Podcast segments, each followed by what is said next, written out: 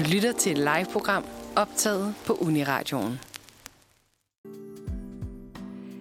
Ja, god formiddag og hjertelig velkommen derude til et selskab med Manfred Mandag. I dit studie i dag, der har du mig, Maria, og så har jeg fået fornøjelsen af en helt ny og uerfaren vært, Axel. Hej Axel. Jamen, øh, hej Maria. Velkommen til. Jo, tak. Jamen, øh, jeg er meget glad for, at jeg må være med her i dag. øh, jeg er lidt... Øh, hjertet pumper stadig lidt. Du, du nåede lige at, øh, at, at blive lidt forsinket på grund af en coronatest. Ja, det er jo en, en ny klassiker. Øh, det her med, hvis, hvis bare det var hver dag, man skulle have en coronatest, så kunne det være, at, øh, at det blev rutine på et tidspunkt. Men, øh, men ja. Men det lykkedes, og du er negativ. Det lykkedes, og jeg er negativ, og øh, jeg er ved at, at falde lidt til ro, og jeg tror, jeg har sat min mobil på lydløs, og øh, det hele skal nok gå. Ja, så, øh, så hvis man er i tvivl derude om, at, øh, at det er nemt at sende radio, så, øh, så skal man tro om igen. Altså, Præcis. det er, øh, man kan nå at blive stresset et par gange. Men Axel, du er som sagt helt sprit ny vært her på Manfred. Øh, og, og Axel, hvad, hv- hvem er du egentlig? Hvad er du for en fisk? Jamen, øh, jeg tror, jeg er en mærkelig fisk i... Øh, ja, jeg... Øh, jeg prøvede at være musiker. Nej, det vil sige, jeg er stadig musiker. Okay. Men, øh, men det, øh, det kørte jeg på i øh, en masse år. Droppede ud af gymnasiet og tænkte, nu skal den bare stå på jazztrummer. Øhm, og så lige pludselig så står jeg her på Universitetsradioen, fordi jeg jo fandt ud af, at, øh, at det faktisk er ret fedt at lære noget om øh, kroppen også. Okay, og, og i hvilken sammenhæng lærer du om kroppen? Jamen det gør jeg, fordi jeg er begyndt at læse biomedicin.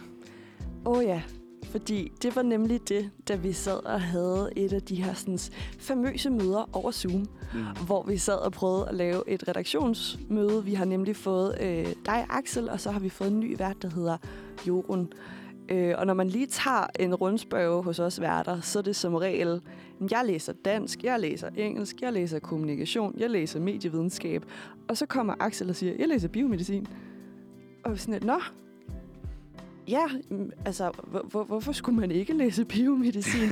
jeg tror, at sådan, en grund til, at det kom bag på mig, det er, fordi der er, der er mange af os, der laver Uniradioen for at få en eller anden form for erfaring, og det giver mening i forhold til vores studier og sådan noget. Hvor, hvorfor tænkte du, at, øh, at du skulle være en del af det med, med biomedicin, Axel? Jamen, øh, ja, men det tror jeg tror ikke, det har så meget med lige biomedicin at gøre.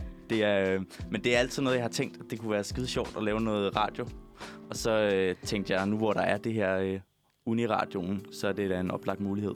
Ja, mm, altså, jeg, jeg, jeg, jeg kunne sagtens se for mig, at der kunne komme noget øh, biomedicinsk formidling på radioen, eller at du kunne få din egen podcast med biomedicin. Må, må jeg spørge noget dumt? Mm. Hvad er det helt præcis, biomedicin er? Jamen, øh, Sådan, altså, hvis du lige skulle kode det ned til en markiterning, og ikke sådan, du skal ikke læse en studieordning højt for mig. nej, klart, klart. Jamen, altså, vi er jo lidt over, øh, over imod medicinerne. Sådan de rigtige mediciner. Øhm, men vi skal jo ikke være læger. Øhm, og øh, så, vi, så vi fokuserer ikke så meget på, hvordan man, øh, hvordan man diagnostiserer, eller vi behøver ikke at kende alle detaljer til, til hver en lille knogle og, øhm, og den slags. Fordi det, det er mere rettet mod, at man skal forske i noget sygdom. Men, øh, men sådan, i bund og grund, så skal man bare blive rigtig klog på, hvordan kroppen fungerer, når den er rask, og når den bliver syg. Hvad det er for nogle forskellige pathways, kalder man det. Øh, ja, sådan dominoeffekter, kan man sige, igennem kroppen, der gør, at øh, man kommer i en eller anden syg tilstand. Okay, Ja. fedt. Modtaget. Ej, jeg, jeg, jeg synes virkelig, det er, det er skønt, og jeg er altid sådan meget imponeret over folk, der har lyst til at dykke ned i sådan noget, der er så nørdet. Kan, kan man ikke godt sige det? Er det ikke lidt nørdet? Altså, det er virkelig noget med, at du virkelig går ned i et rabbit hole, og så bliver du dernede i 3-5 år. Om det er rigtigt. Det kommer bliver, man op på et tidspunkt sådan helt bonget op på Ritalin og Red Bull.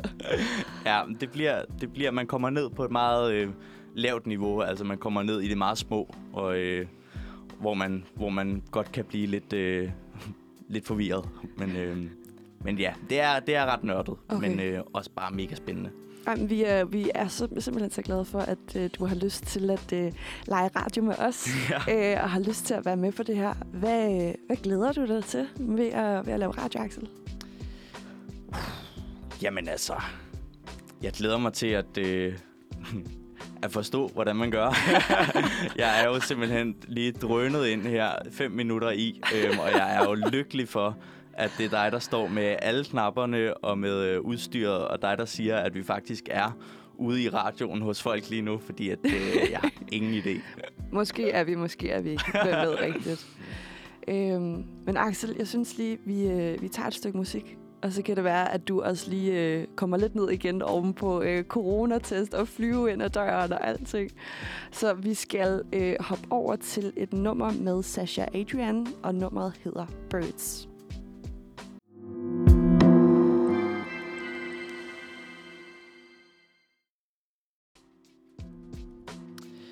Ja, velkommen tilbage. Du lytter til øh, Manfred her på Uniradioen, og dine værter er Axel og Maria. Fortsat. God formiddag. God formiddag. og velkommen tilbage. vi, er, øh, vi er i studiet i dag med helt sprit, frisk, nye øh, vært. Vært Axel. Axel vært. Øh, og vi, øh, vi skal tale lidt om, øh, om din weekend faktisk, Axel. Ja. Fordi du, øh, du nævnte lige før, at du på et tidspunkt er, er droppet ud af et gymnasie for at forfølge ideen om, eller drømmen om at blive jazz øh, trommer. Jazz-trommeslager, ja. Trommeslager. Det hedder ikke en trommer. Det hedder en trommeslager. Ja. Selvfølgelig gør det. Øh, men øh, du har ikke helt lagt den drøm på hylden, selvom du nu står her og læser øh, biomedicin. Hvad er det, du har lavet i weekenden, Axel? Jamen, jeg har da været ude og spille koncert, simpelthen. Ej, hvor rockstjerneagtigt. det ved jeg nu ikke helt, om øh, man kan kalde det. øhm, sådan en lille gårdhave-koncert i Svendborg. og så i Svendborg. Ej, øh, Svendborg er en dejlig by. Ja, det er rigtigt. Øhm, jamen altså, øh, det kører jo stadig på, det her, øh, det her trommespil. Øhm, og jeg har sådan et øh, fusionsjazzband, som, øh, som spiller, når vi kan komme til det. Og faktisk har en del koncerter her i øh, det næste stykke tid, og I kommer bare. Okay. vil, vil du gøre sådan lidt øh, fuldstændig uforskammet reklame for det? Hvad, hvad, hvad hedder I? Jamen altså, vi hedder jo meget mundret Mathias Heise Quadrillion. Og så kan man jo så prøve at gætte, hvem der er mest øh, kendt i det band. og, og det er ikke Axel Stadelborum. Ej, det vil også være sådan, at hvis du er sådan, om det er mig, der er forsangeren. Nå, hvad er du forsanger i? Mathias Heise. Jeg hedder Axel. Nå, ej, hvor skønt. Øh, var, var det Mathias, der bestemte det navn, eller? øh, nej, men det var det faktisk ikke helt. Øh, altså, det er efterhånden et, et lidt gammelt band. Øh, Okay. De, vi startede i 2012, Okay. og vi havde øh, en, en spæd start som, øh, som Frokostalliancen hed vi. Øhm, men så fik vi et pladselskab, som synes, at... Øh, Det var lidt for snæver en reference. ja, og at, øh, og at det måske ikke ville gøre sig så godt ude i udlandet, at vi hed Frokostalliancen. Og, øh, og ham her... ham Ej, her kan man ikke godt oversætte det? jo, men altså, jeg kalder os tit for Lunch Boys, men... Øh, Lunch Boys. Ja, men så var det jo sket, at ham her, Mathias Heise, øh, han havde fået sig sådan lidt, øh, lidt jazzberømmelse, øh, i hvert fald i, i nogle kredse. Og så, øh, og så sagde øh, pladselskabet, det kunne være fedt, hvis I lige hed noget med Mathias Heise, fordi så er der nogen, der ved, hvem I er. Okay, okay, okay. Klassikeren. Klassikeren. Det er altid den søde forsanger, der løber med al opmærksomheden. Ja, præcis. Gode Gud. Ja, Nå. Hvordan gik jeres koncert så? det gik super dejligt. Ej, skønt. Ja. Altså, så har, I, øh, så har I brugt hele natten på at sidde og skrive autografer og blive... Jeres turbus er blevet forfulgt af skrigende piger og sådan noget, eller hvad? Det er, det er lidt sjældent, at vi får lov til at skrive mange autografer, men, øh, Men I skriver nogen? ja, vi skriver, hvis der er nogen, der øh, køber en plade, så kan det være, at de Ah. synes, det er hyggeligt, at der lige øh, står lidt på. Men vi prøver altid at få lov til at, at skrive på, en, på noget bar hud, hvis vi kan komme til det. Men, men det, de bider ikke rigtig på derude i, i jazzklubberne, altså. Nå, ej, pokkers. Det, øh, det, det synes jeg da egentlig godt, I kunne få indført. Er det ikke sådan noget, man kan få skrevet ind i sin rider? Jeg, øh, alle, der skal have en autograf, alle, der har købt billetter, skal også have autografer, og det skal være på en eller anden form for bar hud. Man må selv bestemme bare for noget bar hud, men man skal blot en underarm eller sådan et eller andet. Jo, men det, det er da noget, vi skal overveje. Ja. Men, øh, men jeg, Det kan godt være, at jeg bare skal være jeres, øh, jeres manager i stedet for. Jeg synes, at øh, jeg, jeg, kan, jeg kan godt se, at det her, det skulle... Øh, altså, we're going places. vil du så give os lov til måske at skifte navn til Axel Stad Brum Quadrillion? Det kan vi godt finde ud af. altså, det kan vi sagtens. Det skal ikke... Øh... hvi- Hvis det bare er en aftale, vi to laver nu her, sådan bare du og jeg imellem, og vi ikke siger det til nogen, Den er købt. Den er købt. det er øh, super fedt. Hvor, hvordan er det egentlig at spille øh, koncerter under corona? Jamen, det er meget at, ligesom at spille koncerter ikke under corona. Okay, alligevel. Udover at man spiller dem bare ikke rigtig så meget. Øhm, Okay. det er jo en stor forskel. Og så er det jo nok også fordi, at vi, vi spiller jo ikke Vega eller øh, Roskilde Festival. Øhm, Nej, fordi den har jo faktisk lukket, Axel. ja, Ja, præcis. desværre. Øhm, så der er, altså når man spiller i en, i en gårdhave øh, på Arne B i øh, Svendborg, så er der, øh, det er jo udendørs og sådan noget. Så der kan jo godt være publikum, og, øh, så det ligger man ikke. Når først man spiller, så, øh, så er det ligesom i gamle dage. Ja, okay. Ej, hvor dejligt. Jeg var faktisk i sommer, var jeg til en, øh, en jazzkoncert faktisk. Ja. Øhm, på en, øh, en tagtop ude på Nørrebro. Nå, hvor lækkert. Det, jamen, det var nemlig, altså, du ved, sådan helt helt klamt, øh, kliché københavner-agtigt. Sådan, øh, Maria, hvad skal du i aften? Oh, jeg skal til en jazzkoncert på, på en tagtop. Ikke? Altså sådan, og det endte faktisk med, at øh, politiet de kom og, og lukkede festen Nå. simpelthen. Jeg har, jeg vil sige, Axel, jeg har været til min del af, af fester gennem tiden, og også nogle fester, som måske burde, burde være lukket Mm-hmm. af politiet. Jeg regnede ikke med, da jeg sad og, og drak en dejlig afkøl, øh, afkølet flaske øl, og du ved, jeg sådan sad og jammede lidt med til nogle blide jazztoner, og der lige kommer en pander op i skudsikker vest i øvrigt også, og siger, så kan I godt gå hjem. Og man tænker sådan, okay, det, det er alligevel det her, vi lukker. Men hvad var de sure over? Jeg, jeg, jeg ved ikke, om det var nogle coronarestriktioner. Altså på det tidspunkt tror jeg faktisk, man måtte være 100. Og Mm. vi var ikke 100 op på det tag. Øhm, jeg ved ikke, om det har været nogle naboer eller sådan noget, fordi Mm. altså, det har været noget, der har været varslet i god tid. Og sådan, jeg, jeg ved ikke, hvordan naboskabet er derude. Øh, men igen, jeg troede ikke, at det var den fest, Nej. der, der skulle blive lukket ned for mit, øh, for mit vedkommende. Nej, klart. Det kan også være, at det var en, en politimand, der bare ikke kunne lide jazz. Det kan selvfølgelig også godt være. Eller sådan noget. Det var nemlig sådan noget fusionsjazz. Det kan Ej. Godt være, at han var sådan, nu stopper det. Jamen, det kan, det kan pisse Nu nogle folk af. det kan jeg godt skrive under på. Nå, Axel. Jeg har endnu et, øh, et nummer liggende til dig. Vi skal høre Blind vej hjem, med lad os gøre noget levende igen.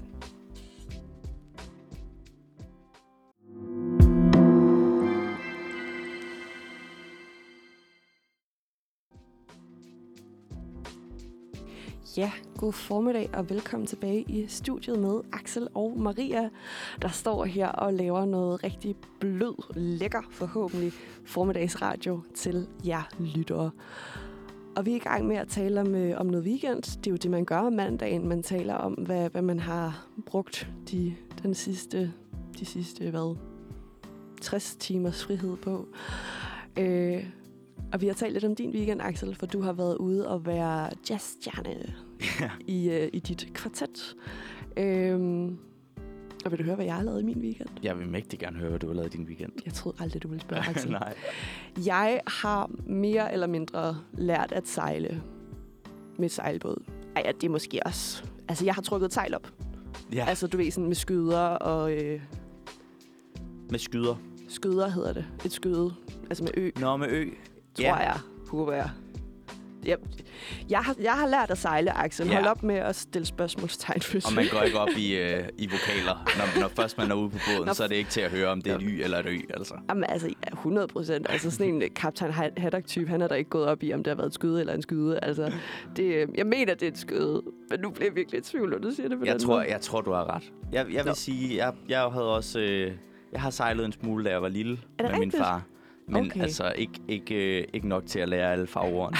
men, men du siger, du har simpelthen lært på en weekend. Ja, altså, igen, der, der kom et sejl op. Jeg har stået med roret. Ja. Øhm, mm, mm, mm, og har lært, eller har sådan været med til at lægge til, og har også lige lært et enkelt knop. Mm-hmm. Øhm, det, det var ret meget sådan et, øh, sådan et, et søsikkerhedskursus, hedder det. Klart. Hvor vi øvede noget mand over bord. Mm-hmm. Vi fik lov til at bruge en pulverslukker. Uh. Okay. Du må også lige... Øh, du kan jo mange fagord nu. Hvad ligge til? Nå ja, undskyld. For, for jer, der ikke... Øh, der er sådan nogle rigtige vandhunde, som mig og Axel. det betyder simpelthen, at man parkerer sin båd. Sådan yes. i bund og grund. Det er sådan for lige at sådan få det helt ned i øh, helt ned til, til alle landkrabberne, så betyder det simpelthen at parkere sin båd.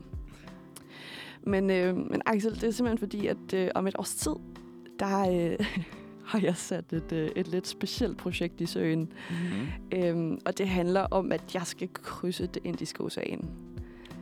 Du skal krydse det indiske ocean? Ja, altså ikke alene. Det, Nej, okay. der, der er nogle, nogle kyndige mennesker omkring mig, Ja. der ikke siger at parkere sin båd. øhm, men ja, det skal jeg. Øhm, det er sådan lidt et... Øhm, jeg ved ikke, så du det, der hed Kurs mod Fjerne Kyster, der kørte for et par år siden? Er det sådan noget uh, Troels Kløvedal? Uh, nej, Mi- Mikkel uh, Bea? Jamen, det var nemlig Troels Kløvedals børnebørn, Ja. der lige tog en tur rundt om jorden. De her meget flotte, søde bærebrødre, Ja. øh, som altid stod og havde sådan et, du ved, sådan saltvandskrøller, og var altid meget solbrun at se på. Og sådan noget. De, de var virkelig, virkelig søde, synes jeg. De gav en lyst til at krydse det indiske ocean. Ja, faktisk. det, er ikke, det er ikke dem, jeg skal, desværre, jeg skal krydse det indiske øh, ocean med. Men, øh, men det er noget lignende. Det er sådan, jeg tror, den bedste måde at beskrive det på, det er sådan lidt et, øh, et flydende kollektiv, Ja. øh, hvor du betaler lidt til, øh, til fælleskassen, til sejlerkassen. Der er til noget øh, diesel, der er til noget olie, der er til noget rent ferskvand, der er til sådan ved og vel ombord på båden.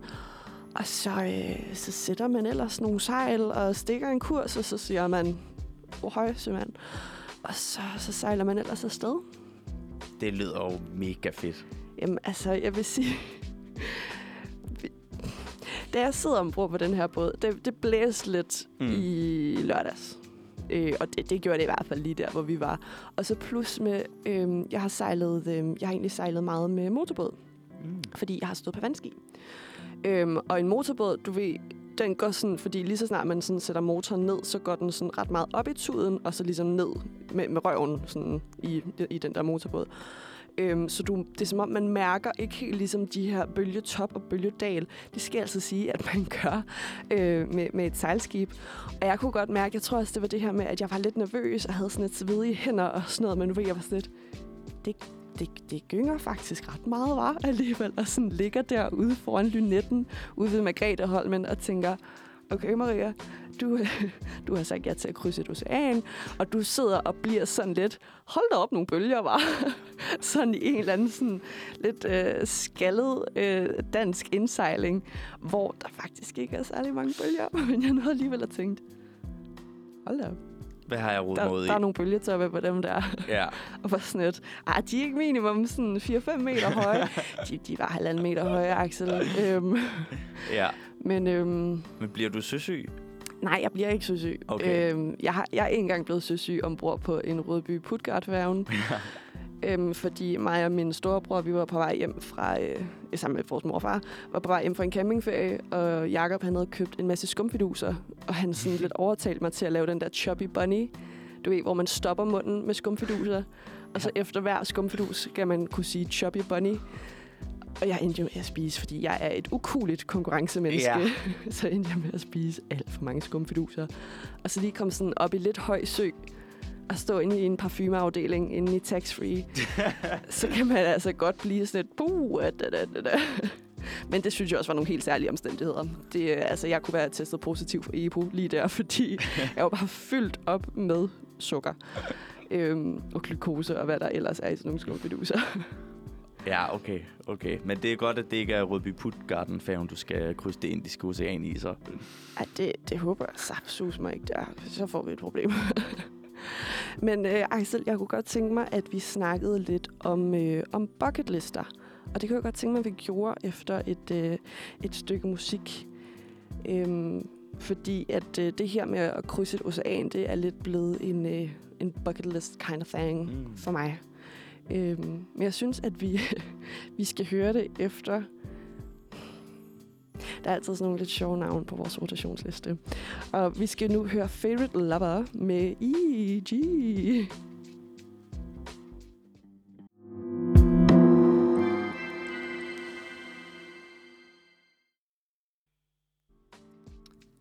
Hej og velkommen tilbage her til Manfred, hvor det stadig er Maria og Axel, der er jeres værter.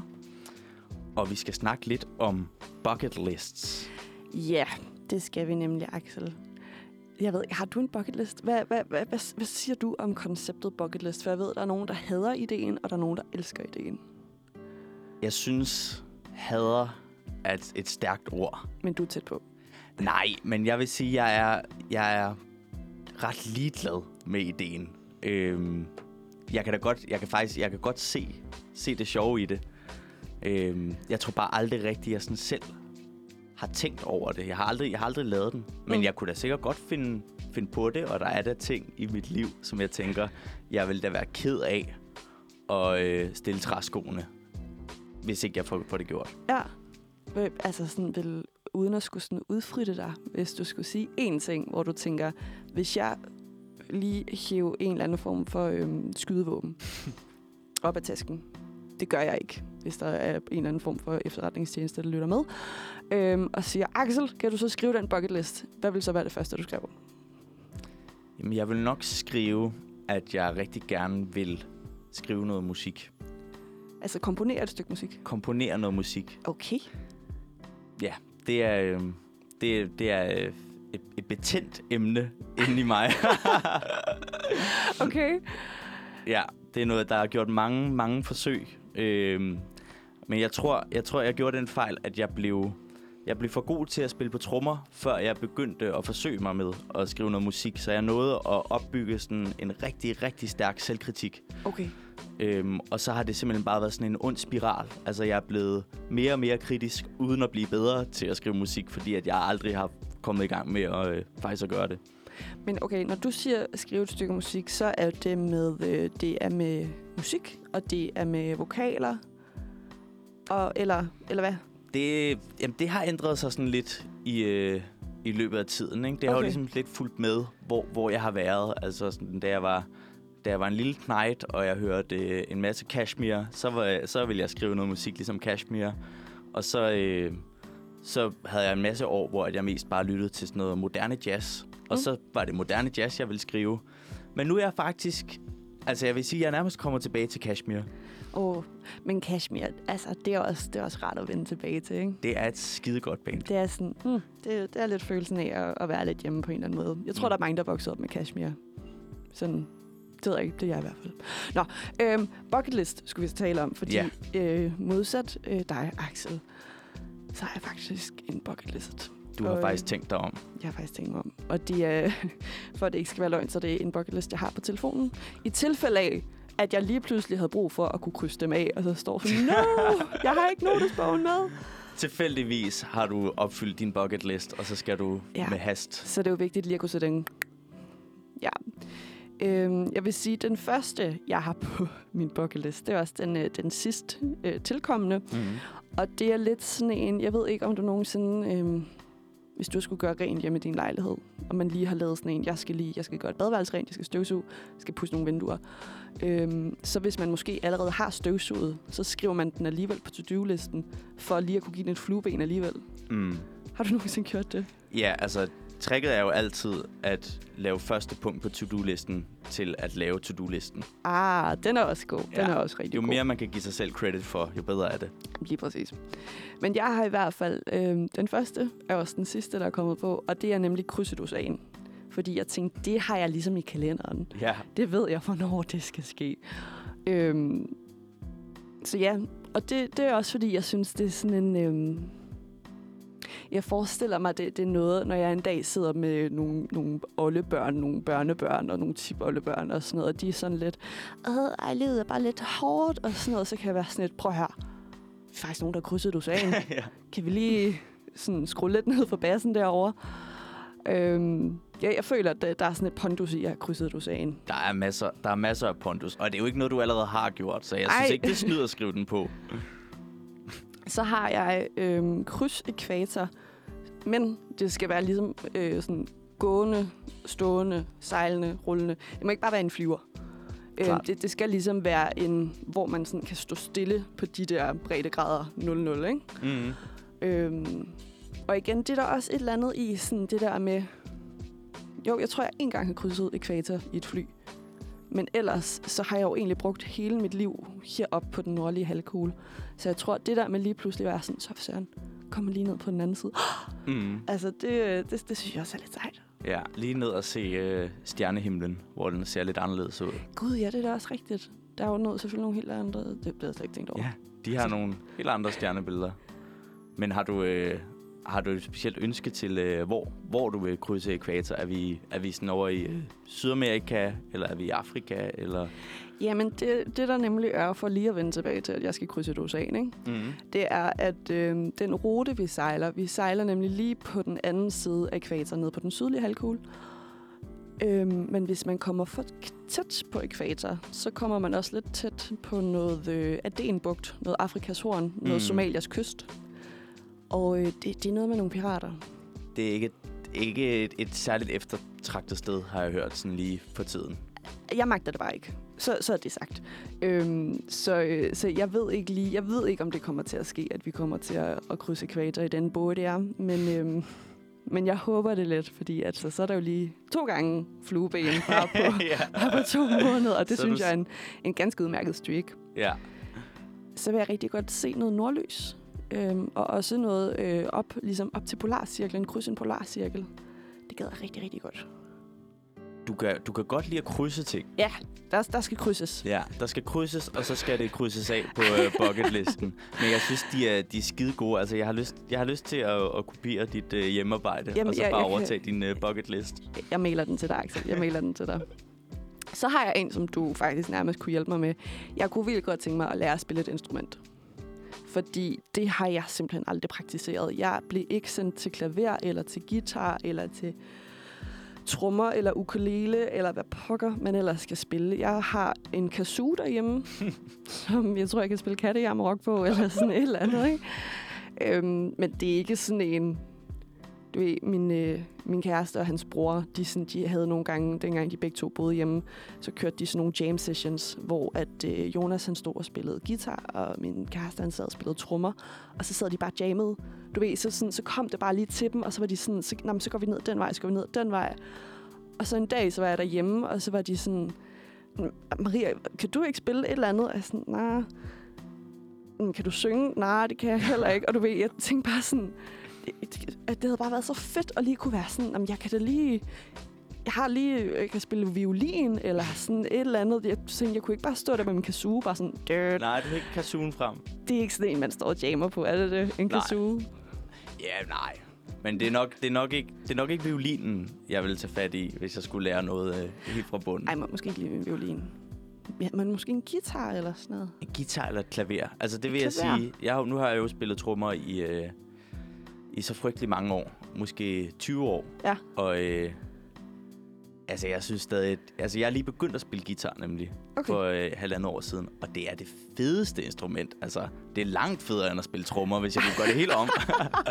så var jeg helt sikkert startet med at spille guitar. Fordi det er altså bare... Det, det er den fedeste følelse. Okay, så det, du, du har også sådan kommet til at sætte sådan lidt øh, eksistentielle spørgsmålstegn ved dig selv. Sådan, hvorfor lærte jeg at spille trommer?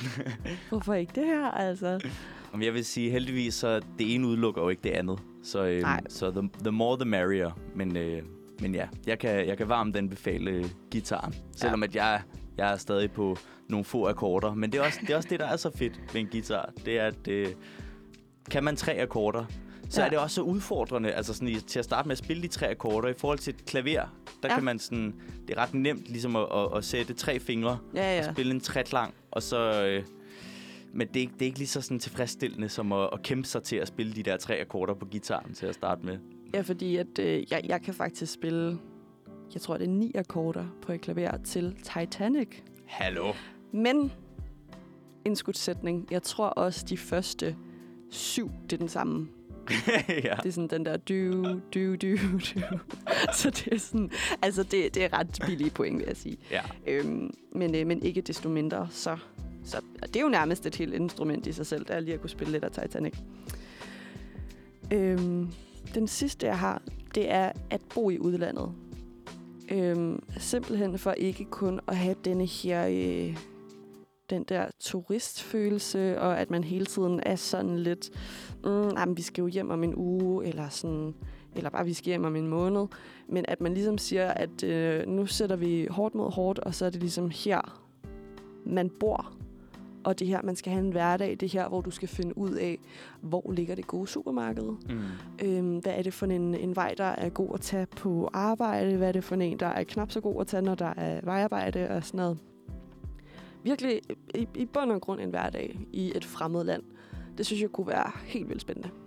Det lyder også. Det, jeg er simpelthen så imponeret over den her bucket list. Altså, jeg stod og sagde, at... Øh, ej, jeg vil sige, jeg var ikke... Jeg sagde ikke, det var et frygteligt begreb, men øh, jeg sagde, at det ikke, det ikke rørte mig en skid. Men altså, når jeg hører, hører dem her, det, der, det vil jeg da også. Jeg vil da også bo Ja. ja. i udlandet, altså. Jeg, jeg sender den på en mail til Ja. Axel. I mellemtiden så øh, skal vi høre et stykke musik med Ellison, der hedder I Could Be Your Lover.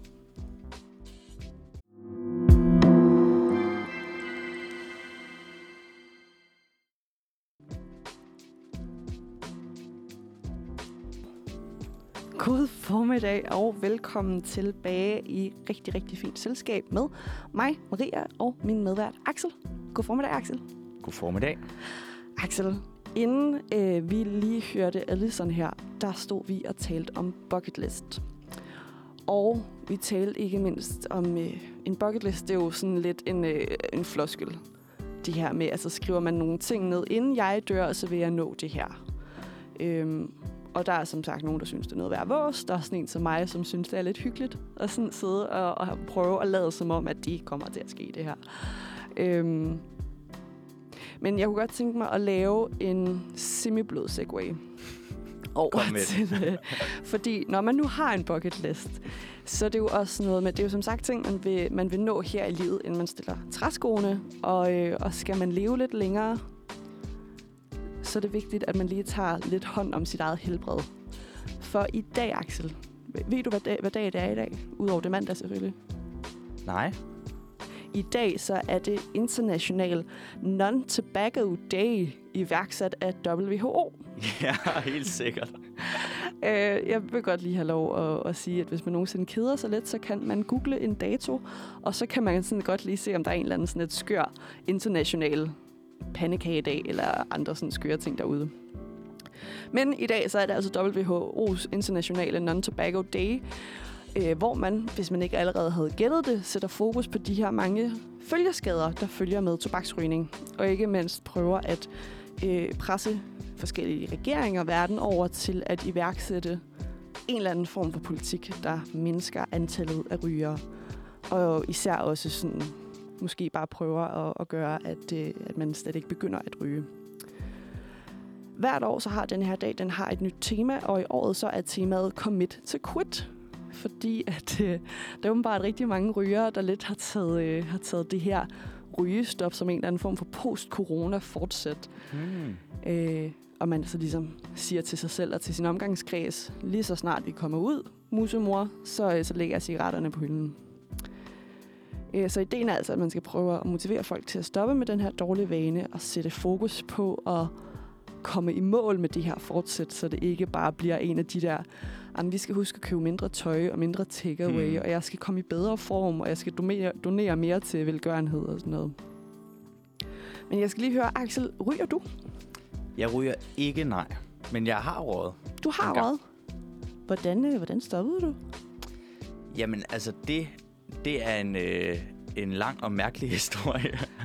Må jeg bede om, den må godt være mærkelig, men hvis jeg kunne få en semi-lang, ja, sådan Ja. de, de vigtigste hovedpointer. ja, men jeg vil jo gerne starte med at, øh, at, at finde nogle undskyldninger for mig selv.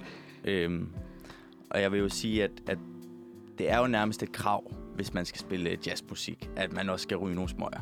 Så det var faktisk ikke dig, det var dine venner.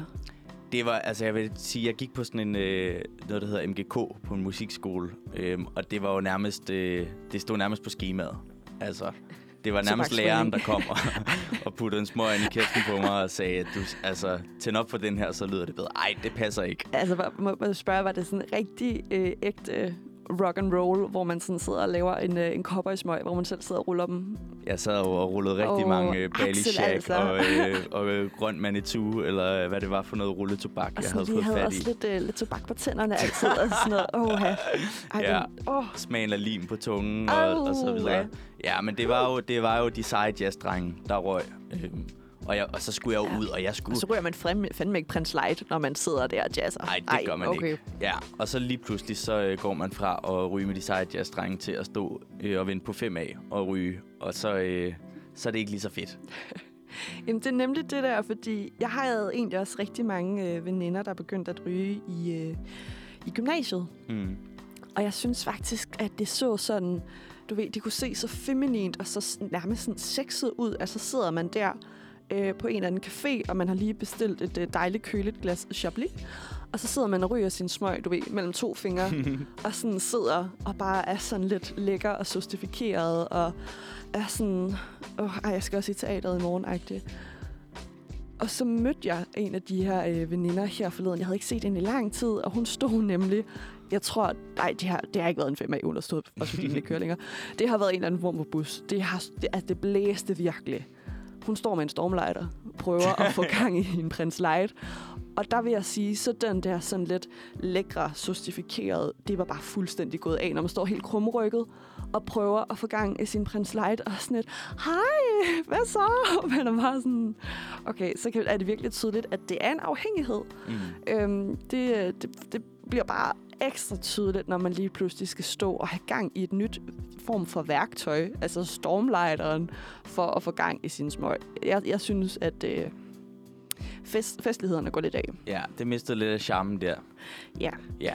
Og så måske også øh, fordi, at øh, ifølge WHO, så dør der på verdensplanen over 8 millioner mennesker hvert år, som følge af alle typer fortobaksrygning. Det er godt nok mange mennesker. Jeg vil sige, nu har jeg jo øh, påbegyndt den her øh, naturvidenskabelige rejse som øh, biomediciner. Og vi har faktisk nogle... Øh, vi er nogle gange er vi hotlet lidt sammen med de rigtige mediciner, og så bliver vi smidt ned i kælderen på Panum og øh, får lov til at kigge på nogle øh, forskellige præparater af, af nogle døde mennesker. For eksempel nogle organer. Kalder man det et præparat? Ja, sådan hver, hver en, så er der en arm. Og det er et præparat? Det er et præparat. Okay, I hvert fald iskoldt. I hvert fald, i hvert fald når vores lærer siger det. øh, men der fik vi også lov til at, øh, at få sådan et par, par lunger, hvor man godt kunne se, at det var, det var nogle rygerlunger. Oh. Altså, de var, de var godt sorte i det, altså. jeg, jeg ved ikke, om det her det, det er sådan en øh, klassisk vandrehistorie, man har fået at vide, når man, når man får at vide, at man ikke skal begynde at ryge. Men er det noget, man de godt kan knase lidt, sådan nogle rygerlunger? At normalt så skal de helst være bløde og lækre. Jeg vil sige, de her lunger, de, de havde ikke mulighed for at knase, fordi de havde jo ligget i noget væske Ja, okay. i, i mange år, ikke? så de var faktisk, direkte ud af et menneske. så de var faktisk sådan helt, helt svulmet op. Og sådan, øh, Uh, men jeg kan da godt huske øh, fra, fra folkeskolen, at der var sådan en, en frygtelig video øh, med nogen, der klippede sådan et eller andet øh, øh, et luftrør op, der knaste af helvedes til. Så det, enten har det været en skræmmekampagne, eller også så, øh, så er den god nok. Okay, spændende. Men, øh, men Axel, jeg fornemmer jo lidt, at du er lidt øh, velbevandret. Du har lavet dit eget form for, øh, for fællesstudie i det her, i form af noget selvrull i dine, i dine jazz-dage. Øhm, og så også i, i form af din, øh, din påbegyndte uddannelse. Så jeg kunne faktisk godt tænke mig at, øh, at kviste lidt i tobaksrygning. Men øh, det er noget, vi vender tilbage til, efter at vi lige har nuppet et stykke med Neptun, der hedder Forbløffet.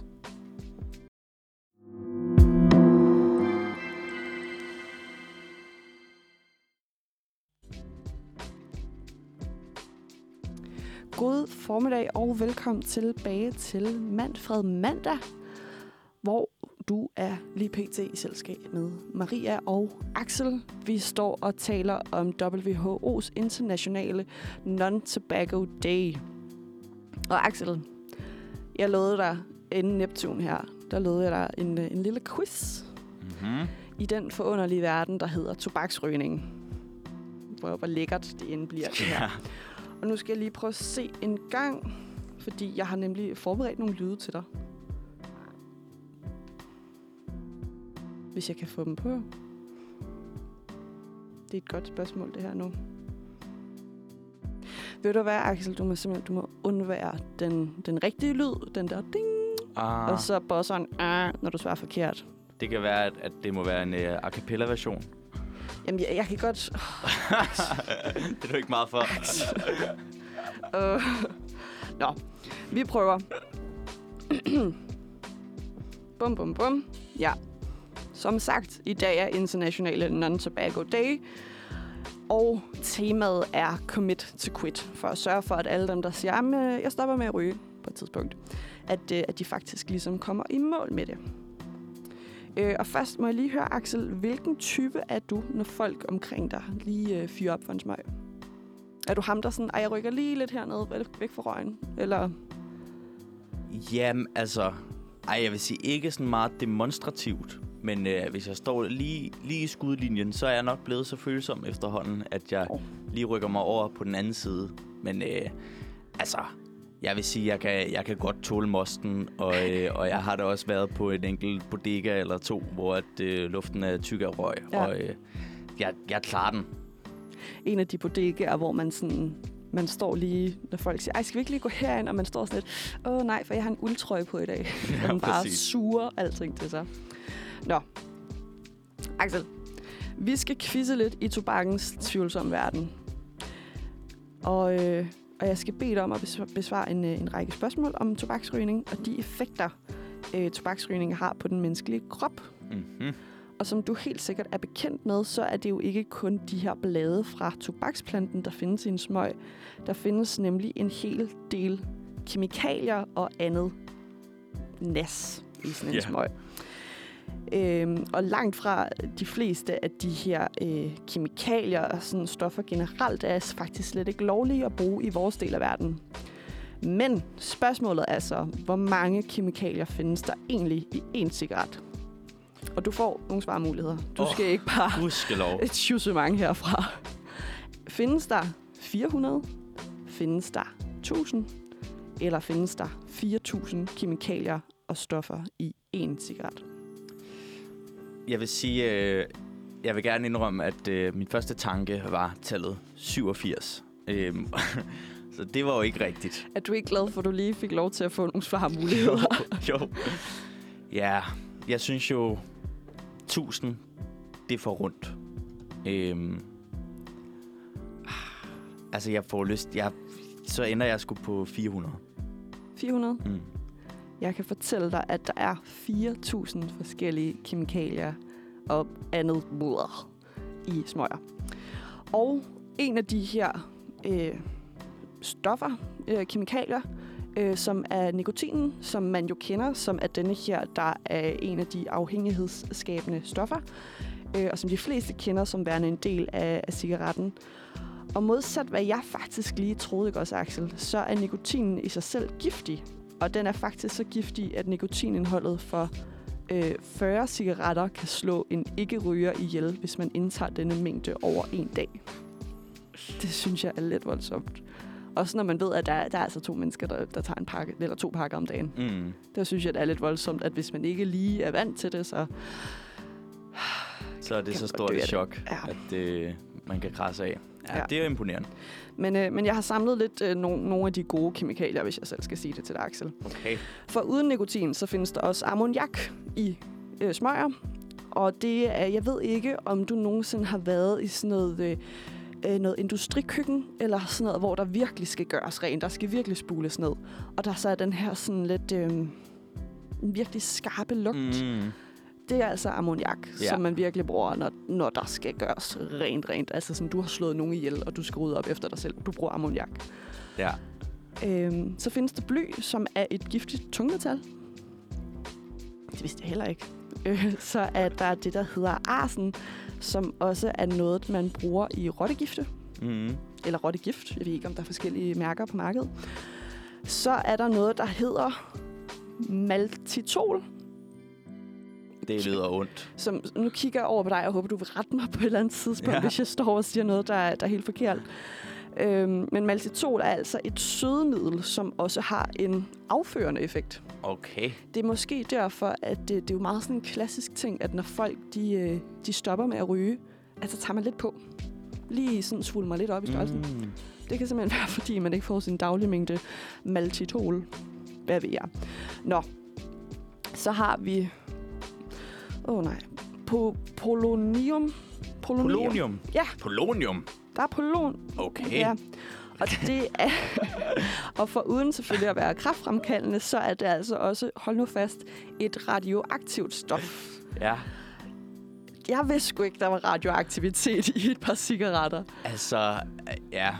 Det, det lyder godt nok... Øh, det lyder imponerende, hvis der er, er polonium i, øh, i cigaretterne, simpelthen. At, altså, at, hvorfor synes du, det lyder så vanvittigt? Jamen, polonium... Jeg mener, at... det, øh, altså, det er et meget, meget radioaktivt grundstof, så vidt som jeg husker. Jeg husker, øh, jeg husker det, som om det er, er hende her, Marie Curie, øh, Ah, ja. som, som opdager polonium og arbejder med det og bliver... Og det er det, hun ender med at blive dø af. Ja, og hun, Ja. og hun er så... øh, Altså, det, det, jeg vil virkelig helst ikke øh, fact-checkes alt for meget på det her, men, øh, men jeg tror, det er det, det stof, hun arbejder med, og hun ender jo med at være så radioaktiv, at hun simpelthen... Hendes tøj er begravet i sådan en blykasse stadig, og Okay. man, man kan ikke... Øh, man skal helst ikke komme i nærheden af hendes, øh, hendes lig. Men øh, altså... Jeg vil, nu kommer jeg til at gentage mig selv, ikke? men skræmmende. Okay, Don't smoke, kids. ja. Nå, men øh, altså, der er selv- selvfølgelig alle de her kemikalier i, øh, og der er også rigtig mange af dem, som går igen hos rotte- og insektgifte. Øhm, og faktisk har man også fundet i øh, nogle cigaretter, de nævnte ikke bare for nogle mærker, eller, eller noget som helst, men der har man altså både fundet spor af øh, deciderede rotter, men også rotte-ekskrementer. Øhm, og ja, skal vi ikke bare lade den, lade den hænge ved det, Axel? Jo, Er det, det har det, ikke, det har ikke været i, i den Bali Shack, jeg stod og rullede. Det, Nej. Det, det tror jeg ikke Det har været meget fint bagelcheck, du har stået og rullet, Axel. Nå, vi kan altså konkludere, at øh, cigaretter er giftige. Men vidste du også, at de sluger enormt meget af din tid i hverdagen? Axel. Ja, det gjorde de i hvert fald. Og især hvis man sådan selv skal stå og rulle. Og ja. Hvor lang tid tror du, at det tager en gennemsnitsryger per dag, hvis vedkommende ryger en pakke om dagen? Hvor lang tid tror du så ligesom, der bliver brugt på øh, det både det her at skulle ned ad trapperne og finde en rygezone mm. og tænde op og lige tale med kollegaer så- og sådan noget? Så kan det tage lang tid. Det er jo, det er jo også... Jeg har, jeg har nogle svar okay, okay, til. okay. Øh, tager det to og en halv time? Tager det 3 timer og 45 minutter? Eller tager det 3 timer og 20 minutter per dag gennemsnitligt? Altså, jeg havde... Jeg tænkte igen på tallet 87. Øhm, så, hvilket igen er lidt lavt sat, kan jeg jo høre. Øhm, Det svaret kan jo ikke være 87 hver gang, Axel.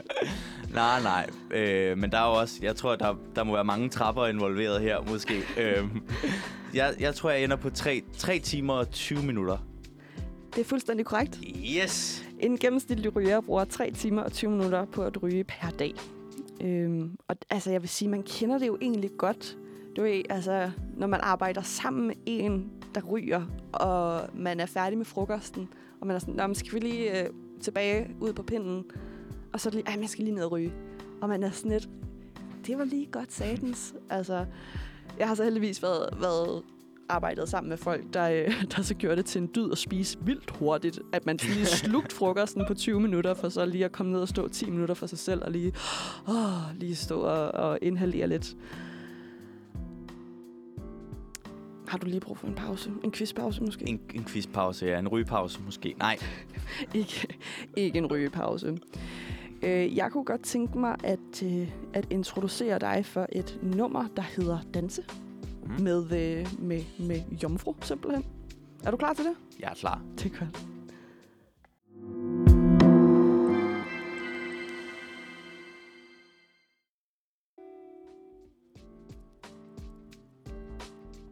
God formiddag og velkommen tilbage i studiet til en stor ikke-ryger-quiz, er det jo egentlig. Øh, Du er i selskab med mig, Maria, og min medvært Axel. Hej Axel. Hej Maria. Vi er som sagt i gang med en non-tobacco quiz. i anledning af, at i dag er det WHO's internationale Non-Tobacco Day. Der skal sætte fokus på ikke alene, at man slet ikke begynder at ryge, men også, at man skal stoppe med at ryge, og ikke kun sige, at man på et tidspunkt, i en fjern, fjern fremtid, i en fjern galakse, der stopper jeg med at ryge. Og Axel, lige nu, vi tog to spørgsmål, Ja. inden vi lige hørte øh, danse med Jampro. Og du har en rigtig og en forkert indtil videre. Så, Ja. øh, og vi, vi har tre spørgsmål igen. Du, øh, du kan sagtens nå at, øh, at få en, en, en skøn sejr i hus. Og vi har selvfølgelig både talt lidt om, hvad det egentlig er, der findes i, i sådan nogle smøger her. Vi har talt om, hvor lang tid det tager den gennemsnitlige ryger på en dag at, at ryge. Øhm, men nu kunne jeg godt tænke mig, at vi talte lidt om, hvad det faktisk koster at ryge. Mm. Øh, fordi at øh, cigaretter, de er bogstaveligt talt fyldt med, med lort, for at sige det li- øh, lige ud. Øh, det tager lang tid, og det koster selvfølgelig også en hel del penge. Ligesom alt her i livet selvfølgelig gør. Øh, hvor mange penge koster rygning, vil du tro, det danske sundhedsvæsen årligt i nettoomkostninger? Mm-hmm. Igen får du lige nogle svarmuligheder, hvis du har tænkt dig at svare 87 igen. Koster det 2.450.000 kroner? Koster det 3.113.000 kroner? Eller koster det 3.372.000 kroner årligt for det danske sygehusvæsen at behandle følgesygdomme af rygning? Ja, altså, men det må være... Er det, er det i alt? Det lyder jo ikke særlig meget. Du synes ikke, at 3 millioner... Øh, okay, den laveste, den er 2.450.000 kroner. hvis det, hvis det er per ryger. Men jeg vil sige, jeg har faktisk altid tænkt, eller altid tænkt, jeg har hørt, og det kan godt være, at det er en skrøne, men at, at det på en måde lidt opvejer sig selv, fordi alle rygerne, de dør jo øh, tidligere. Og det er, jo ret, det er jo ret dyrt at have folk til at, at gå og leve længe, øh, når de er gået på pension, for eksempel. Så på den måde kan der være sådan lidt, lidt balance i det. Okay, så at man, man bliver behandlet for, øh, for lungekræft og kol, men man dør tidligt, så Præcis. man ikke skal have sin folkepension. Det lyder lidt som noget, nogen nede på et brunt værtshus kunne finde på at sige til en, når man kommer ned og siger, jeg er klar over, hvor usundt det der er. Ja, ja, men jeg sparer også statskassen for tusindvis af kroner. Og jeg skal ikke kun afvise, at jeg har hørt det på et meget brunt værtshus. Jeg synes, det lyder meget brunt, det du står og siger lige. Men altså, jeg- jeg tager med, med, det, med det i mente, så tager jeg den laveste mulighed, jeg kan komme til. Og det er 2.450.000 kroner. Ja. Det er forkert, Axel. Ej. Det koster det danske sundhedsvæsen 3.372.000. Nej, stop. Jo, 3.372.000 kroner årligt at behandle rygere i det danske sundhedsvæsen. Synes du virkelig ikke, det lyder mange penge? Jeg synes, det lyder vildt mange penge. Øh, ej, det skal vi nok ikke. Det skal vi nok ikke dykke mere ned i, så bliver vi helt tandblinde. Ja, det, gud, hvor må det være kedeligt at være færdig, altså. Hvor herre bevares. Ja, men øh, jeg, jeg synes, det lyder mange penge, og, øh, og så ved jeg ikke, hvad, hvad det koster i, øh, i folkepension. Jeg ved ikke, hvad man får i folkepension. Det er ikke noget, jeg har tjekket. Sådan, jeg føler ikke, at det, at det er noget, jeg lige burde være tunet ind på. Nå. Vi har nu snakket om, hvad det koster samfundet, hvis man skulle blive sådan lidt, øh, komme op på de høje navler lidt. Men hvad koster det den enkelte ryger, hvis man begynder som ung? Og øh, hvilket, altså tallene jo desværre viser, at de fleste mennesker, de begynder at ryge, når de er forholdsvis unge. Øhm, ryger gennemsnitligt gennem livet, og når en gennemsnitlig, gennemsnitslevealder. Hvad koster det så en enkelt ryger igennem det her liv? Koster det en kvart million kroner? Koster det dem en halv million kroner? Eller koster det en hel million gode danske kroner at ryge gennem et helt liv? Der, det husker jeg jo, hvor dyrt, hvis man køber mærkevaresmøgerne. Blue Kings kunne jeg godt lide at ryge. Jeg er også fra Værløs, ligesom Nick og Jay. Okay, okay, okay. Ja, så det var jo det var forkælelsen, dengang jeg havde den her, den her frygtelige vane.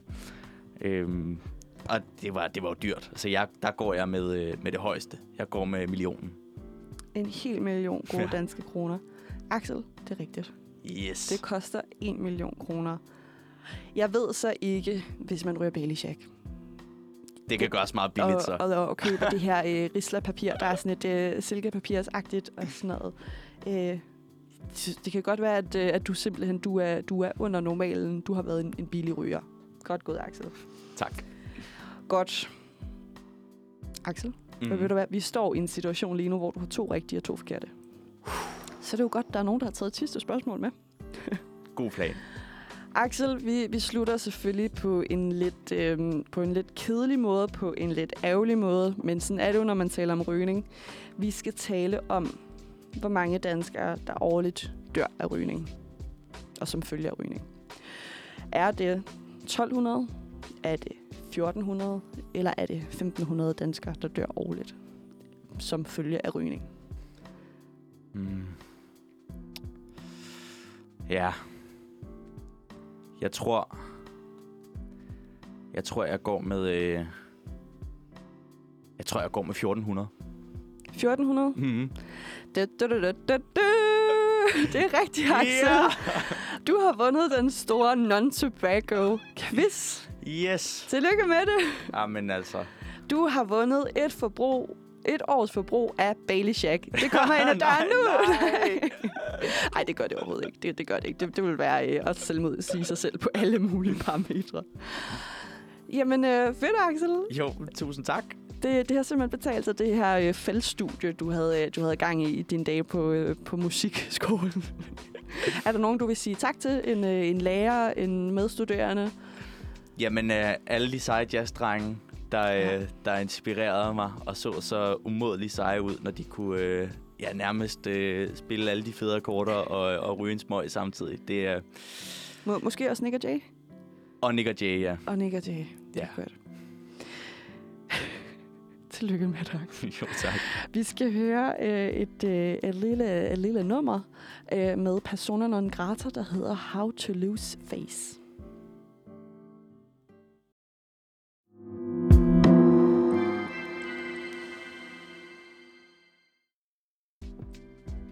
Hej og velkommen tilbage til Manfred, hvor dine værter er Maria og Axel. God formiddag. Og øh, vi snakker jo lidt om World Non-Tobacco Day fra Ja. WHO, altså den her dag, der handler om tobaksrygning, eller rettere sagt, og ingen tobaksrygning, fordi at det er noget, der er rigtig godt for helbredet. Og du sagde, Maria, at øh, årets særlige emne er, hvad var det? Commit to quit. Commit to quit. Og jeg fik jo også reklameret før med, at øh, jeg har røget. Det har vi fået snakket en masse om. Men jeg har jo faktisk også stoppet med at ryge. Ja. Øhm, og på en lidt mærkelig måde, vil jeg sige. Okay. Øhm, det, der skete, det var, at jeg gik fra at synes, det var meget sejt at ryge, til at det var blevet... Ja, lige pludselig så var man jo blevet afhængig, og det var ikke så fedt. Mm. Øhm, og jeg gik, jeg gik og fortalte mig selv, at, øh, at hvis jeg nu virkelig gerne ville stoppe med at ryge, så kunne jeg også godt. Så problemet var, at jeg ikke rigtig gad.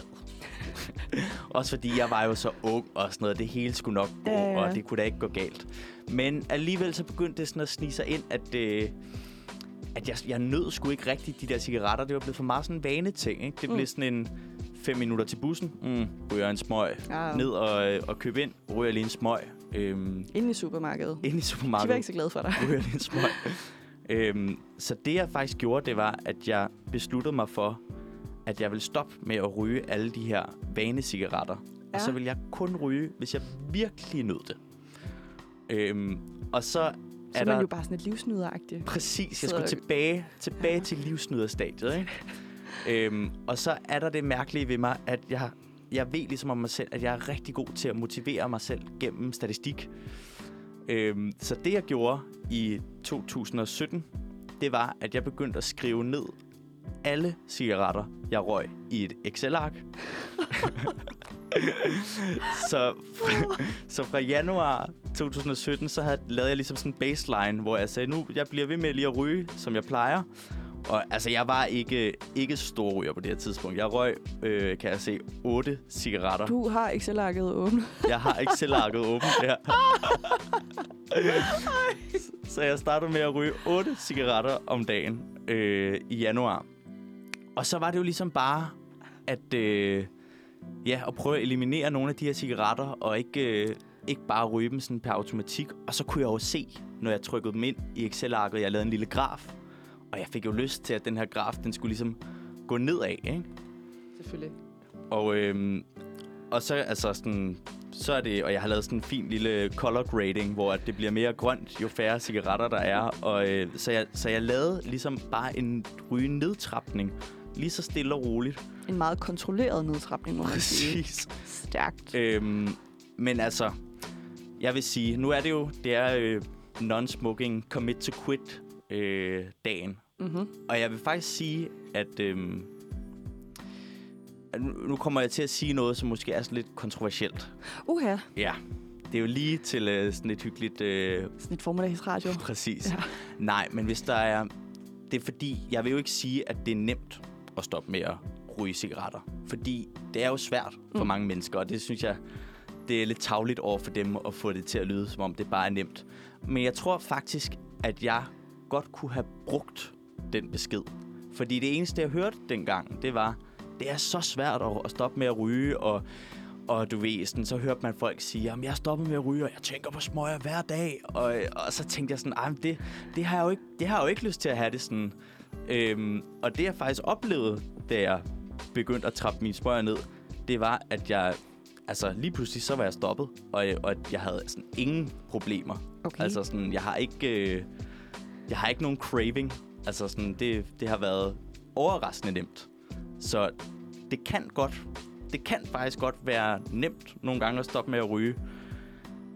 Ikke for alle, men, øh, men hvis der er nogen, der er derude, der tænker, ej, jeg, jeg kan ikke tage mig sammen til det her rygestop, fordi så skal jeg gå og have det så dårligt over ikke at ryge smøger, så vil jeg sige, det er ikke sikkert. Nej, Det kan være, at det faktisk ikke er så svært for dig. Det kan da være, at du skal tage, tage kontakt til nogen, til nogle øh, konsulenter og høre, sådan nogle rygestopskonsulenter, og høre, om de ikke vil købe det Excel-ark, som de så kan sælge videre til nogle kunder. Det, Ja. ja. det lyder da bare som altså, den hellige gral, du har fundet på der. Ja, jeg ved det ikke. Jeg, jeg hører jo, jeg vil sige, at der er mange, der siger, at man skal ikke trappe ned. Man skal tage den, den kold tyrker der. Så jeg vil altså ikke garantere, at det er noget, der, øh, der fungerer for, øh, for mange andre. Ja, altså, jeg vil sige, jeg, øh, jeg oplevede min, øh, min far, han stoppede med at ryge, dengang jeg boede hjemme. Og det var faktisk, mens jeg skulle sidde og skrive øh, SRP i Mhm. gymnasiet, hvor man, øh, man sidder de her 14 dage sidder derhjemme. Øhm, øh, og han, var, øh, han gik hjemme på det her tidspunkt, han var sygemeldt. Øhm, og det var, sådan, det var noget, øh, han havde fået øh, konstateret kræft. Det var ikke alvorligt, det var ikke alvorligt. Han, øh, det var bare en operation, og så var han fit for fight igen. Men han havde jo selvfølgelig fået at vide, det der med at ryge, det er ikke rigtig godt. Og selvfølgelig også sådan, det var ikke sådan lungekræft eller Mm. sådan noget, men der er også noget med nogle blod, hvide blodlegemer. Ja. Ja, ja, tak. at øh, de har det ikke så godt, når man ryger, og, øh, og det er ligesom noget af det, der gør, at man er med til at hele, når man for eksempel er blevet opereret. Øh, men øh, jeg oplevede altså min far, der på det tidspunkt havde røget i 40 år, tror jeg. Øh, og han havde selvfølgelig været på sådan et kursus, sådan den der klassiker, hvor at det var noget med at ligesom nedbryde hele tanken om at ryge, Mm. øh, og ligesom på en eller anden måde dissekere det. Og sådan i stedet for, fordi det der med at sige til en ryger, når det er usundt, sådan, ja, det ved jeg da godt. Altså, det er jo heller ikke, det er jo ikke, det er jo ikke sjovt at begynde at ryge. Der er jo ikke nogen, der tager et, det første smøg, øh, det første væs af en smøg og tænker, mm, sikke en oplevelse. øhm, men øh, der vil jeg sige, der nåede min far lige at komme ind til mig, der sad inde på mit værelse ved mit skrivebord og sad og skrev SRP. Og han sådan lidt, hej, Sviske, hvad laver du lige? Jeg var sådan, far, jeg sidder og skriver SRP. Okay, det er bare fordi, jeg tænkte på, om du lige havde lyst til at drikke en kop kaffe med din gamle far.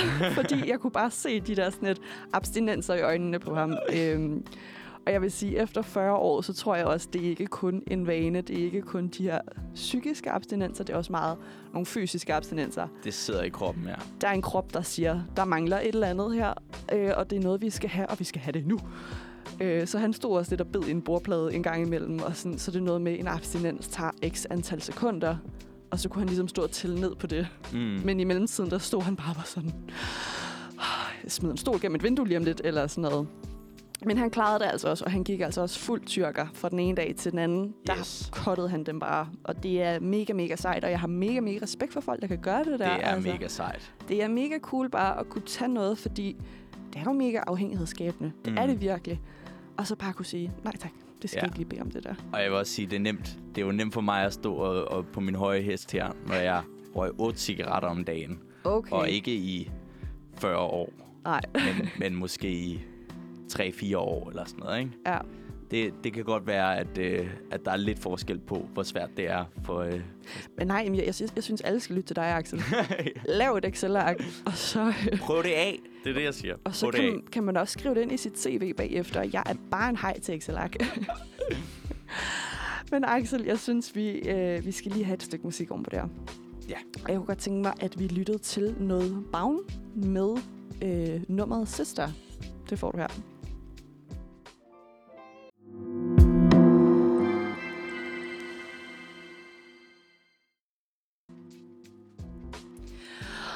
God formiddag, og velkommen tilbage i Godt Selskab selv, sammen med mig, Maria, og min spritnye medvært, Axel.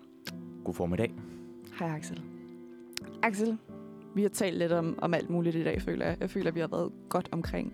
Mm. Øhm, og jeg føler også, at øh, da vi to vi har siddet og, øh, og fundet på denne her sender, øh, da jeg sad i går og, øh, og havde brugt det meste af dagen på at sidde og skrive en eksamen, og så havde jeg brugt øh, den anden halvdel af dagen på at sidde og udarbejde en quiz og udarbejde sender, øh, så øh, var der på et tidspunkt, hvor det var som om, at min hjerne imploderede.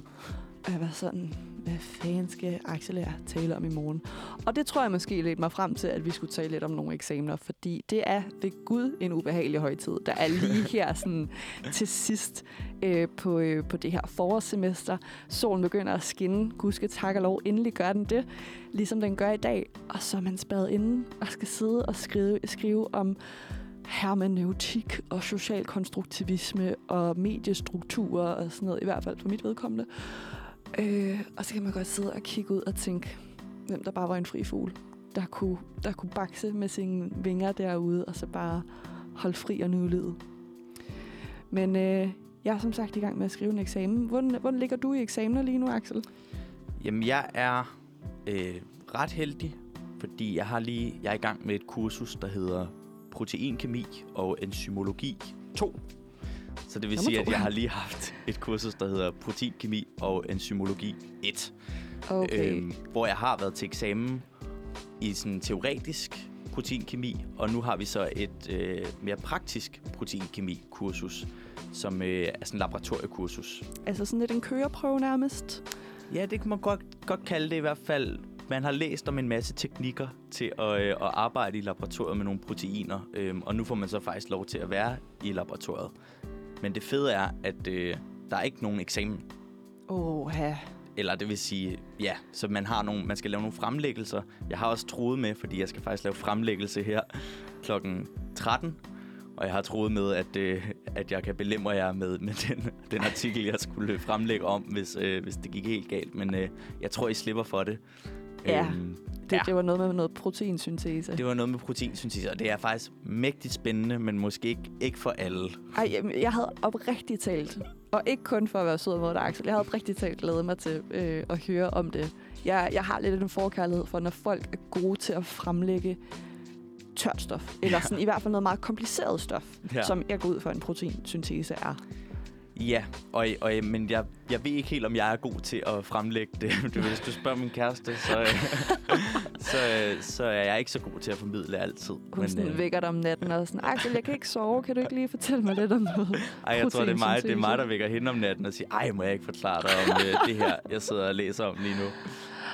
Okay, Ja. Axel. Det, det føler jeg ikke, at øh, det har jeg ikke brug for i mit liv alligevel. Jeg har brug for at, at få noget god formidling. Jeg har ikke brug for at blive vækket af det om natten. Nej. Men, øh, men du føler altså, der er lys for enden af tunnelen for, for dit vedkommende. Det er der. Ja. Øhm, og de, nu er jeg jo førsteårsstuderende, så jeg har ikke været til så mange eksamener endnu. Du har kun har- været til Zoom eksamener faktisk. Uh. Nej, det er faktisk ikke helt rigtigt, fordi vi nåede lige at, øh, at have en, hvor vi, øh, vi mødte op i en hal. Okay. Øh, men en derefter, så har det været så har det jo været sådan nogle 3-4 timers skriftlige over... Ja, altså, der har ikke været noget mundtligt. Nej. Øhm, så 3-4 timers skriftligt, som plejer at være uden hjælpemidler, men lige pludselig er det altså fyrt den af ud på internettet, se nogle YouTube-videoer, altså hvor man må, der er fri leg, ikke? For de kan jo ikke Fedt. kontrollere det, når man sidder derhjemme. Ej, det, så bliver det i hvert fald lige pludselig lidt uh, Big Brother-agtigt, Ja, hvis øh, præcis. folk skal til at hjem i en stue. Jeg fik faktisk, øhm, da jeg skulle op og øh, forsvare min bachelor sidste år, Mm. øhm, der begyndte de at lufte lidt tanken om, for det første, øh, jeg gik på Aalborg Universitet på det tidspunkt, hvor man, øh, man arbejder meget med, med grupper. Min bachelorgruppe, vi var, vi var fem mennesker, og i starten, sådan lige der, da, da smittetrykket var på sit højeste, der var de sådan, at vi kan ikke tillade, at I sidder sammen. Det kan vi som universitet ikke stå indenfor. Øh, Så på et tidspunkt, der hed det faktisk, at vi skulle sidde hjemme hver for sig, øh, og så simpelthen blive bachelor. Sådan, du ved, Nå. bare få den der, tillykke, du er færdig. Og så sådan, "Am, ej, hvor dejligt. Sluk computeren. og så bare sidde der og sådan kunne vifte med sit eget lille flag og være sådan, Woo! Det nåede så heldigvis at blive ændret. Men der nåede de nemlig at tale om, fordi at vi nemlig ikke måtte have... Man må godt have nogle noter med ind, men du må for eksempel ikke have en bog med inden, og du må heller ikke sidde og kigge øh, i sådan dine noter-noter sådan for undervisning mm. og sådan noget. Øh, så der var de faktisk ude i, at man skulle, øh, man skulle gå med sin computer med, med webcamet, og så sådan ligesom vise rundt i det lokale, man sad i, og sådan vise, der er ikke nogen til stede. Giv en, giv en rundtur Ja. derhjemme, simpelthen. Ja, ja. Og sådan lige, nej, der sidder ikke en eller anden omme bag ved min computer og sidder og giver mig alle svarene og sidder med fakta og sådan noget. Øhm, det synes jeg var lidt intimiderende, at Ja. man sådan skulle sidde der og sådan, goddag sensor, goddag lærer, øh, velkommen til min lejlighed, ikke?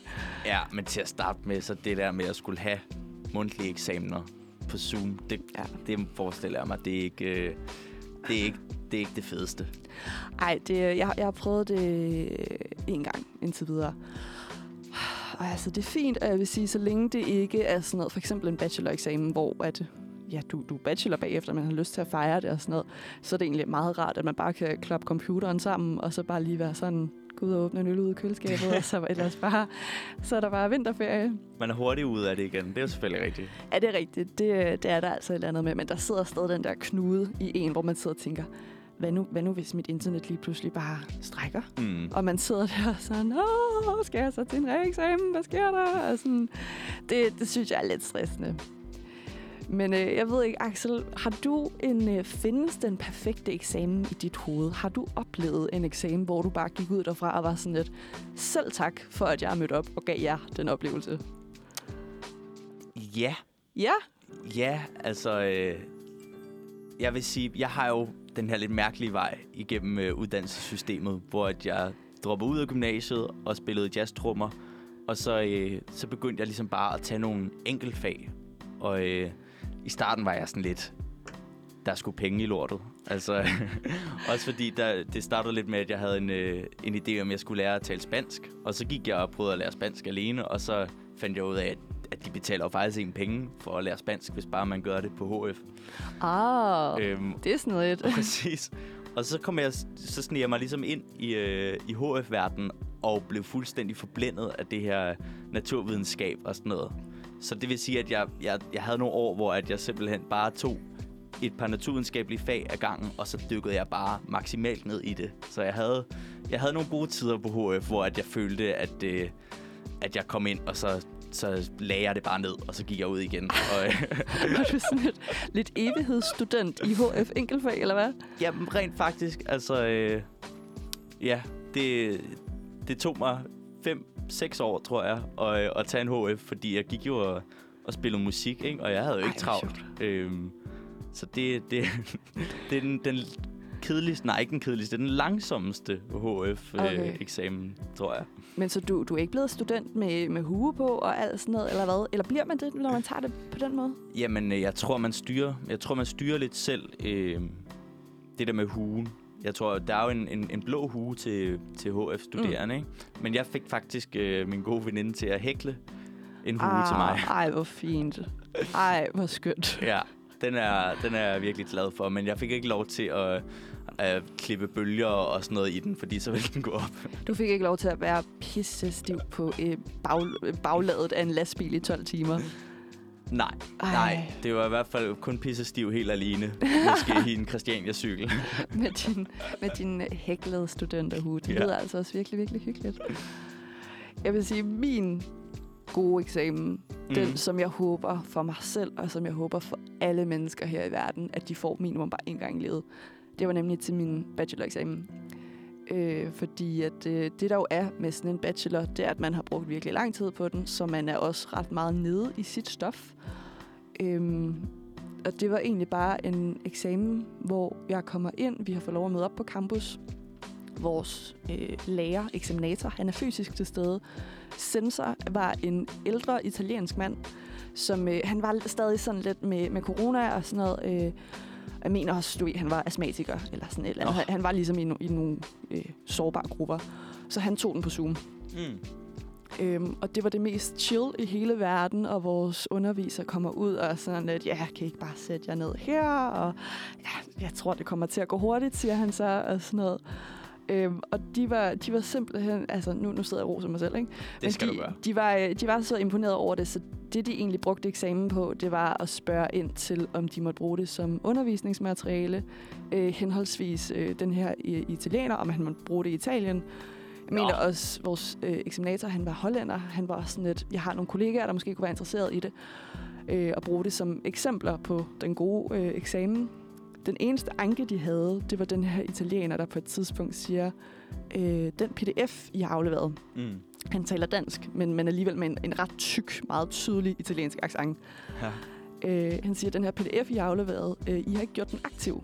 Så at når du for eksempel sidder med en indholdsfortegnelse, hvis du har gjort den aktiv, så kan du klikke på analyse, og så Mm. hopper den ned til analyse. Det havde vi ikke gjort. Så han siger sådan, at I har ikke gjort den aktiv, øh, og det er en smule, en smule, jeg synes, det er en smule drælse. sådan en rigtig italiener, og du ved også med, med den der håndægte italiener-gestik. Ja. Øhm, og det var ligesom den anke, de havde. Og så blev vi ellers sendt ud et kvarter efter, og jeg fik at vide, jamen tillykke i bachelor, og øh, hu har jeg vilde dyr og sådan noget. Og så var jeg hjemme klokken halv seks dagen efter.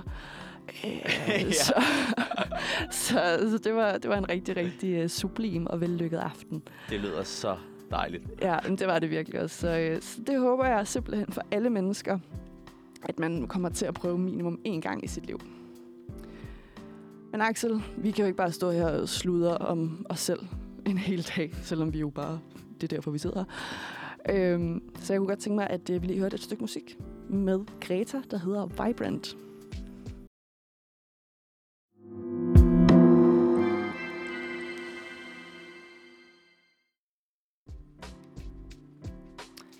Velkommen tilbage her til Manfred på Universitetsradioen. Dine værter er stadig Axel og Maria, God formiddag, Axel. og vi har snakket lidt om øh, eksamener, om øh, eksamener på Zoom, og om eksamener, der bare er gået skide godt. Ligesom de skulle simpelthen. Øhm, og jeg kunne godt tænke mig at høre, hvad med øh, sjove eksamener? Er det noget, du har oplevet? Jeg ved ikke, om det var en sjov eksamen. Det, jeg, har, øh, jeg har lidt en lille smule eksamensangst på et tidspunkt, Axel. Ja, det er jo ikke sjovt. Det, det er meget lidt sjovt. Øhm, men det gjorde også, at jeg selvfølgelig prøvede at... Øh, altså, I stedet for faktisk at læse op på, på det, jeg nu engang skulle læse op på, så prøvede jeg at læse op på nogle af de her, øh, du ved, sådan gode råd. Så er der nogle psykologer, der har sat sig ned og været sådan lidt, sådan slipper du af med din eksamensangst. Og øh, jeg ved ikke, jeg synes ikke, at, øh, at det var sådan at det var de bedste øh, sådan gode råd, hvis jeg skal være helt ærligt. Nej. Øhm, fordi jeg kan huske, en- af dem, der var, for det første, så er det det her med førstehåndsindtrykket. At man bare skal komme ind, og man skal være målrettet, og man skal sige pænt goddag til sensor, man skal sige pænt goddag til eksaminator, og bare være sådan lidt, halløj, her er jeg. Og jeg vil sige, jeg tror lidt, dem, der sidder og skriver de her gode råd, det er nogen, der ikke selv har haft eksamensangst. ja. Fordi det der med, prøv at forestille dig, at du er dødsens angst for et eller andet, og så er der nogen, der siger, åh, oh, Axel, det skal du ikke være. ja. Men prøv at slappe af, hvor man er sådan, hvis jeg kunne slappe af, trust me, jeg havde gjort det. Øhm, og jeg kan huske, en af dem, det var, øh, det var også det her med, øh, at man ikke skal tøve, når man trækker et spørgsmål.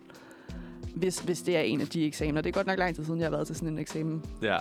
Øhm, men jeg husker en, en historieeksamen, hvor jeg skal over på det her grønne bord, og der ligger alle de her små papirsnips. Og det spørgsmål, jeg trækker, du ved, så trækker man et tal, og så går man over, og så får man udleveret sådan et kompendie. Mm. Og på det her kompendie, så står der bare 11. 11. september 2001.